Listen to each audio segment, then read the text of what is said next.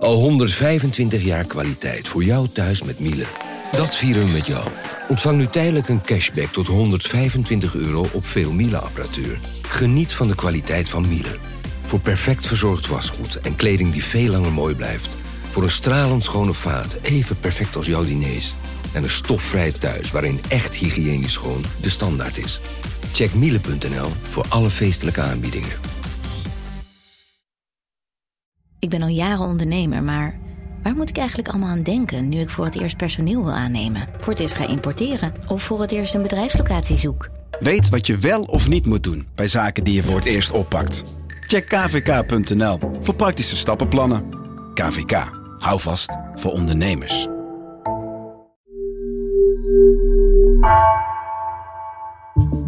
Vanaf de redactie van NRC het verhaal van vandaag. Mijn naam is Floor Boon.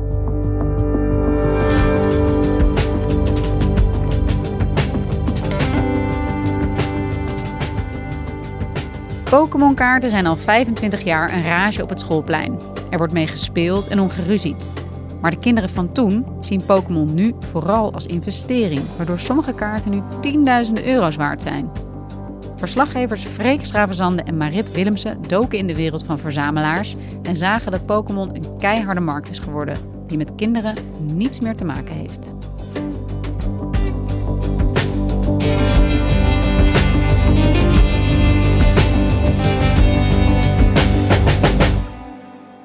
Ik reed met uh, Marit Willemsen, verslaggever Oost-Nederland, naar het zuiden. Net de grens over van Nederland met België naar Hoogstraten. Daar kwamen we op een uh, industrieterrein terecht. En daar ergens uh, tussen een brandweerkazerne en een autohandel was het bedrijf van Yves Bruyne, 30 jaar. Yves heeft een transportbedrijf en als je dan de trap opgaat bij hem, dan kom je in een, in een winkel, een Pokémon winkel. Het Pokémon Valhalla van, van de lage landen misschien wel. En daar heb je overal allemaal kasten met Pokémon kaarten. De winkel heet Flashcards. Wat je 17 camera's? Ja, je hangen 17 camera's op het moment in de winkel. En ah, buiten en aan de deuren, aan de uit- en ingangen. En volgende week komt er nog iemand voor extra beveiliging voor uh, ja, meer lezers. Dat er s'avonds uh, iemand die binnenkomt dat uh, het alarm afgaat. En eventueel iets meer rook of iets dat we gaan maken. En ja, toen wij daar kwamen was er ook net iemand bezig, een klusjesman, om de, om de muren nog te plamuren. Want hij had net alle ramen extra beveiligd. Ik voel het. Dit is al verstevigd? Ja, ja dus van dat gelaagd glas, zoals ze zeggen. Ja? Maar niet maar, kogelvrij, of wel? Nee, je moet ergens de grens stellen natuurlijk. Ja? Hè? Dus uh, ik ben normaal niet de bangste, maar uh, ja, het is gewoon, uh, moet gewoon tegenwoordig. Maar waarom moet je een Pokémon winkel beveiligen met camera's en verstevigingen? Ja, dat is, dat is de nieuwe wereld, hè? Ja, ik zeg het, de mensen tegenwoordig, die zijn, die willen dat niet hebben, maar ze moeten dat hebben. Pokémon is ja, echt een leven voor sommige mensen. Zij spelen niet met Pokémon, zij zitten in Pokémon. Ik heb echt wel bang dat ze hier binnenkort een keer staan met uh, drie geweren of zo, of met een knuppel, of te zeggen van, hey, geef houding de Pokémon mee. Ja. Uh, Freek, hoe heb jij deze Yves, ja, hoe ben je bij hem gekomen? Wat maakte dat jij hem ging opzoeken daar in België? Nou, we, we, waren gefascineerd door het feit dat dit zo'n harde wereld is, de Pokémon-wereld. Want Pokémon is vergelijkbaar met Bitcoin en uh, het is ontzettend veel geld waard. Tienduizenden euro's sommige kaarten, tonnen. Er is een kaart van een miljoen in de wereld. Uh, wij spraken toen met uh, verzamelaars en toen bleek Yves een, een, grote naam in de scene. Dus jullie waren bij deze Pokémon-winkel. Um, ja, wat moet ik me daarbij voorstellen? Wat gebeurt er op zo'n plek? De meeste dagen dan, uh, dan is het daar uh, stil in die winkel. Hij verkoopt veel online. Maar op woensdag en zaterdag dan uh, staan er grote rijen op dat industrieterrein. Want dan wil iedereen daar kaartjes gaan kopen. Pakjes kaarten. Die gaan ze dan openmaken in de winkel. En dan hopen ze dat daar een, een hele mooie kaart in zit die heel veel waard is. Zoals bij uh, Sjaak in de chocoladefabriek, de Gouden Wikkel. Ja, het is gewoon echt een verslaving. Mensen komen daar twee keer in de week langs om pakjes open te maken. Alsof het, alsof het krasloten zijn. Sommige klanten zijn precies zoals, uh, ja, op het grof te zeggen, drugsverslaafden. Die, die hebben dat nodig, die Pokémon. Jeetje, voor mijn gevoel is Pokémon een soort hype die maar niet weggaat en die elke nieuwe generatie opnieuw helemaal in zijn ban heeft. Maar het zijn gewoon kartonnen kaartjes, toch? Wat is nou de aantrekkingskracht van Pokémon? Het grappige is dat als je die mensen daarover spreekt, dat zijn vooral volwassen mensen van eh, rond de 30. Dan, uh, ja, dan, dan weten ze eigenlijk ook helemaal niet zoveel over Pokémon. Want er zit ook een spel bij. En Pokémon begon 25 jaar geleden in uh, Japan. Het is van Nintendo, Japans bedrijf. En het gaat om fictieve figuren. Pokémons heten ze. Daar is een hele lange verhaallijn over. Um, en die loopt al 25 jaar. En daar zijn films omheen gebouwd. En er verschijnen elk jaar weer nieuwe kaarten um, met Pokémon figuren. En uh, ja, er zijn honderden soorten Pokémon figuren. NOS Jeugdjournaal. In Nederland begon de hype in het voorjaar van 2000. Pokémon, de rage op Nederlandse schoolpleinen. Geodude, Onyx, Gency, Vulpix, Golduck, Pikachu... Uh, de kaartjes kun je ruilen om zoveel mogelijk series compleet te krijgen. Drie manieren zijn populair. Handjeklap. Voorspel welke kant boven komt. Dobbelen. Gooi het hoogst en win de kaarten van de ander. Gooi jouw kaarten dichtst bij de muur en ze zijn allemaal voor jou. En dan uh, probeerde je dus uh, steeds groter pak kaarten mee naar huis te nemen. Ja, dus op die schoolpleinen ging het ook helemaal mis. Uh, want ja, er ontstonden ruzies. Grote kinderen pakten die kaarten van de kleinere af. En er kwamen dan kinderen huilend naar de leraren, maar die wisten ook niet, die snapten niks van dat spel. Dus die wisten niet hoe ze moesten bemiddelen. En dus in op sommige scholen is het ook verboden. Basisschool de Cederhof in Middelburg heeft gisteren een Pokémon-verbod op en rond de school uitgevaardigd. Aanleiding is diefstal van kaarten en oneerlijke ruilpraktijken. Op het moment dat kinderen, oudere kinderen, uh, hun machtspositie als het ware naar jongere kinderen gaan gebruiken om kaarten af te troggelen, dan vinden wij, dan is het ontoelaatbaar en dan kan het niet. En die kaarten, zeg jij, die die kinderen vroeger, dus uh, aan het begin van dit uh, millennium, ja, op school waar ze mee speelden, die zijn nu heel veel geld waard. Die niet, want al die jongetjes van toen, die namen die kaarten mee in hun achterzak. En uh, die kaarten die, uh, die beschadigden natuurlijk, daar bleef weinig nog van over. Hele verzamelingen zijn er verdwenen in de vuilnisbakken door ouders die er genoeg van hadden op een gegeven moment in de zolder gingen opruimen. Dus de kaarten die nu heel veel geld waard zijn, dat zijn eigenlijk de kaarten die in de jaren negentig door Nintendo zijn uitgegeven. En uh, die eigenlijk onbeschadigd zijn, waar nooit iemand mee gespeeld heeft. Ja, er zijn nog heel veel boxen sealed gebleven. Op zolders of in winkels of op stockageruimtes. Die zijn de laatste 15 jaar allemaal boven gekomen. En die pakjes zijn voorzichtig geopend en die zijn wel goed bewaard gebleven. Maar die zijn natuurlijk ook zeldzaam, want ja, de, de, de mooiste kaarten die nam je als kind natuurlijk mee naar school. Dus het gaat eigenlijk over ongeopende pakjes, kaarten die al 25 jaar of 20 jaar ja, ergens liggen. Misschien in de, op zolders van winkels en die gewoon nog nooit eerder zijn verkocht en geopend. Dat zijn de allerduurste kaarten. Die zijn nu het meeste waard. Dan gaat het echt soms om tienduizenden tot, uh, tot tonnen. Ja, er is één heilige graal uh, waar iedereen uh, in de Pokémon-wereld het over heeft. En dat is de Charizard Beckett Black Label kaart. Als je die vindt, dan ben je gewoon meteen tientallen miljoenen waard of zo. En Eve, die heeft nu een kaart die is een half miljoen waard. Een half miljoen euro voor één ja, kartonnen kaartje. Voor één kartonnen kaartje, wat normaal een cent uh, zou kosten om te maken. En wat, wat is dat dan voor een kaart? Dat is een uh, glimmende Charizard. De, dat is de, de, de draak, de vuurspuwende draak. Heel populaire figuur. En hij heeft daar de glimmende variant van. En dan zonder schaduw. Dat is ook heel belangrijk. En dan ook nog een in perfecte staat.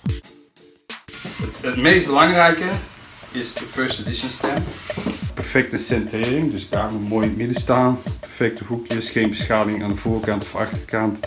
Geen krasjes op het holo-gedeelte. Uh, het moet echt gewoon perfect zijn. En toen jullie bij hem op bezoek waren, had hij die kaart van een half miljoen euro dan gewoon daar in, in zijn winkel liggen? Nee, nee, nee, nee. nee. Hij, uh, hij heeft zijn meest waardevolle kaarten, die bewaart hij in een bankkluis. Zoals alle Pokémon uh, mensen doen. Uh, dus hij uh, was speciaal voor ons, was hij dan naar, naar de banken gegaan. Daar heeft hij het koffertje meegenomen uit de kluis en die, die heeft hij toen voor ons geopend. En hoe, hoe, hoe vaak heb je deze kaart nou aangeraakt met je blote vingers? Met mijn blote vingers. Misschien uh, twee tellen. Twee tellen? Ja. Niet met een handschoen, maar gewoon... Uh... Nee, ik doe nooit geen handschoenen aan. Ook al doe ik uh, nu nog dure pakjes open. Als je een handschoen aandoet, ben je de feeling een beetje kwijt met de kaart. Nou, hij komt dus uit een speciaal koffertje en dan, uh, dan zit hij erin, dan zit hij in een soort sleeve, heet dat. Zo, zodat er geen vocht bij kan komen en er geen krommingen in kunnen ontstaan en zo. En dan kijk je naar zo'n kaart en dan denk je van ja, het is gewoon, gewoon een kartonnen kaartje dan komen we toch een beetje bij die vraag. Uiteindelijk zijn het gewoon kartonnen kaarten die, zoals jij zegt, misschien een cent kosten om te maken. Hoe kan het dat die kaarten zoveel waard zijn? Het is een combinatie van heel veel factoren, denk ik.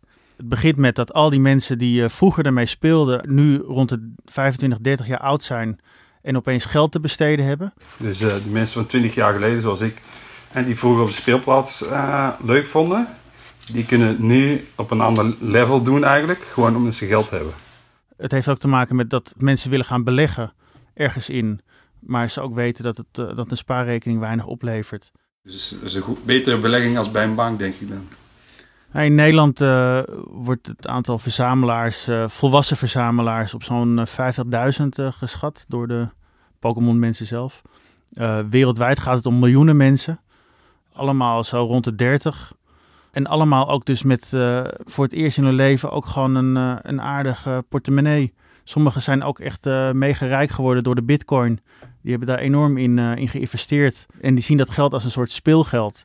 En die denken dan weer terug aan de jaren negentig. En dan krijgen ze weer nostalgiegevoelens. En dan denken ze, laat ik dat eens omzetten in een, van virtueel naar iets kartons. Zie je er dan ook echt een relatie tussen? Dus de mensen die in bitcoin investeren, die ook in deze kaarten uh, geld steken? Zeker, ja. Dat, dat wordt wel gezegd door de Pokémon-verzamelaars, dat dat vaak dezelfde mensen zijn. En dat ja, als de bitcoin omhoog gaat, dat dat ook weer effect heeft op de, de, de Pokémon-prijs. De allerbelangrijkste reden dat die prijs zo omhoog is geschoten, is dat Logan Paul, een bekende YouTuber met miljoenen volgers, ongeveer een jaar geleden een kaart liet zien. kidding me? Wow! Are you kidding me? Oh my god, it's beautiful too. It's in such good shape. Yo, this is wild. This is wild. We're golden. Wow. That's a million dollar card. I can't believe this. Uh, precies dezelfde kaart die Yves heeft. En, uh, en hij maakte daar zoveel reclame omheen dat die prijs van die kaarten overal in de wereld opeens ontzettend omhoog schoten. Keer 100 ging het.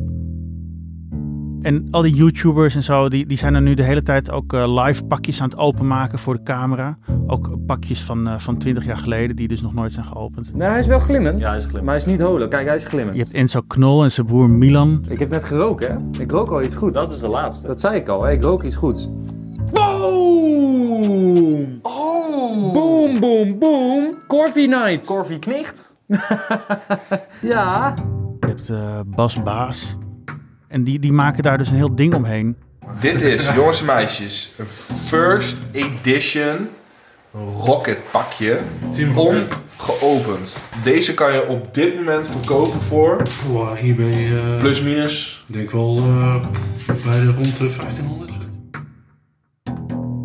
Waardoor ze ook de prijzen van hun eigen verzameling ook weer omhoog drijven. En hoe weten mensen dan hoeveel zo'n kaart waard is? Want eh, het gaat over bijzondere kaarten en verder waardeloze kaarten. Maar hoe weet Yves bijvoorbeeld dat zijn kaart zo ongelooflijk veel geld waard is? Je hebt een, speciaal bureau daarvoor in Amerika, PSA heet dat. En uh, die waardeert uh, bijvoorbeeld ook handtekeningen met lasers en lampen en weet ik veel wat. En of die echt is. En, en dat doen ze ook met sportkaartjes, baseballkaartjes en zo. En ook met die Pokémon kaarten. En dan, en dan krijgt hij een grade, dus uh, dan wordt hij gewaardeerd. En als hij dan uh, een 10 krijgt, dan, uh, ja, dan ben je spekkoper natuurlijk. En hoe ging dat dan met Yves en zijn kaart? Heeft hij hem ook opgestuurd? Yves heeft hem opgestuurd, want hij had hem dus opengemaakt. Ook gewoon een keer s'avonds in, in zijn zetel, zoals hij vertelde. Soms is het ook een anti-stress moment. Het kan niet soms zo hectisch zijn. Het is soms met 15 chauffeurs aan het rijden, als ik de planning doe. En dan kom ik thuis en dan heb ik zo'n enorme hoofdpijn. Dan pak ik een paar pakjes en dan precies al die stress weg. Toen dacht je ook, ik heb hier gewoon een kaart van misschien wel duizenden euro's uh, in mijn handen. Ja, ik weet niet of je ooit lotto hebt gewonnen. of een kraslotje. Ja, dan denk je, ja, bingo hè. bingo. Ja. Hoe ging dat dan? Ja, je hebt die kaart in handen. Je begint sowieso te beven. Met bibberende handen had hij me zo'n sleeveje gedaan om uh, te zorgen dat hij niet uh, beschadigd zou, verder zou kunnen worden. En daarna heeft hij hem opgestuurd. Ik zit naar PSA, naar Amerika. Hij is daar een half jaar gebleven ongeveer. En toen zag hij op de website van, uh, van PSA dat er een Charizard kaart was gevonden met waarde 10. En toen dacht hij, nou dat, dat, ja, dat moet haast mijne wel zijn. Uh, en uiteindelijk uh, bleek dat ook zo te zijn. Dus toen is die kaart naar Londen gestuurd. Hij dacht van ik ga hem niet meer per post nu naar mij toe laten sturen, dat is te gevaarlijk. Want hij wist nu dat hij wel tonnen waard zou zijn. En toen is hij uh, met de auto uh, tussen de twee lockdowns in uh, is hij naar, naar Londen gereden in één keer. Al die grenzen zaten pot toe via Calais hè, in Frankrijk. Denk ik dat we daar 38 uur over gereden hebben. En dat is gewoon niet, niet stoppen, gewoon rijden. Ik moet bij die kaart zijn.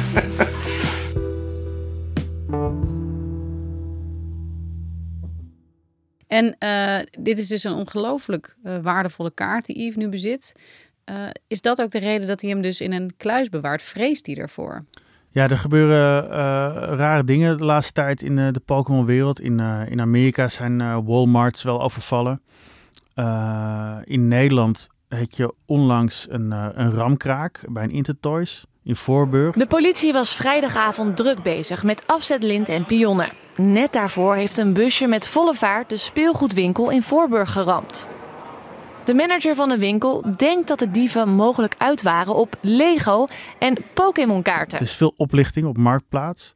Eind vorig jaar is er ook, zijn er twee mensen uh, overvallen in hun huis, in, in hun kast opgesloten, terwijl de hele Pokémon-verzameling werd meegenomen. Iemand opgesloten, een ramkraak, oplichting. Dit is geen onschuldig spelletje meer.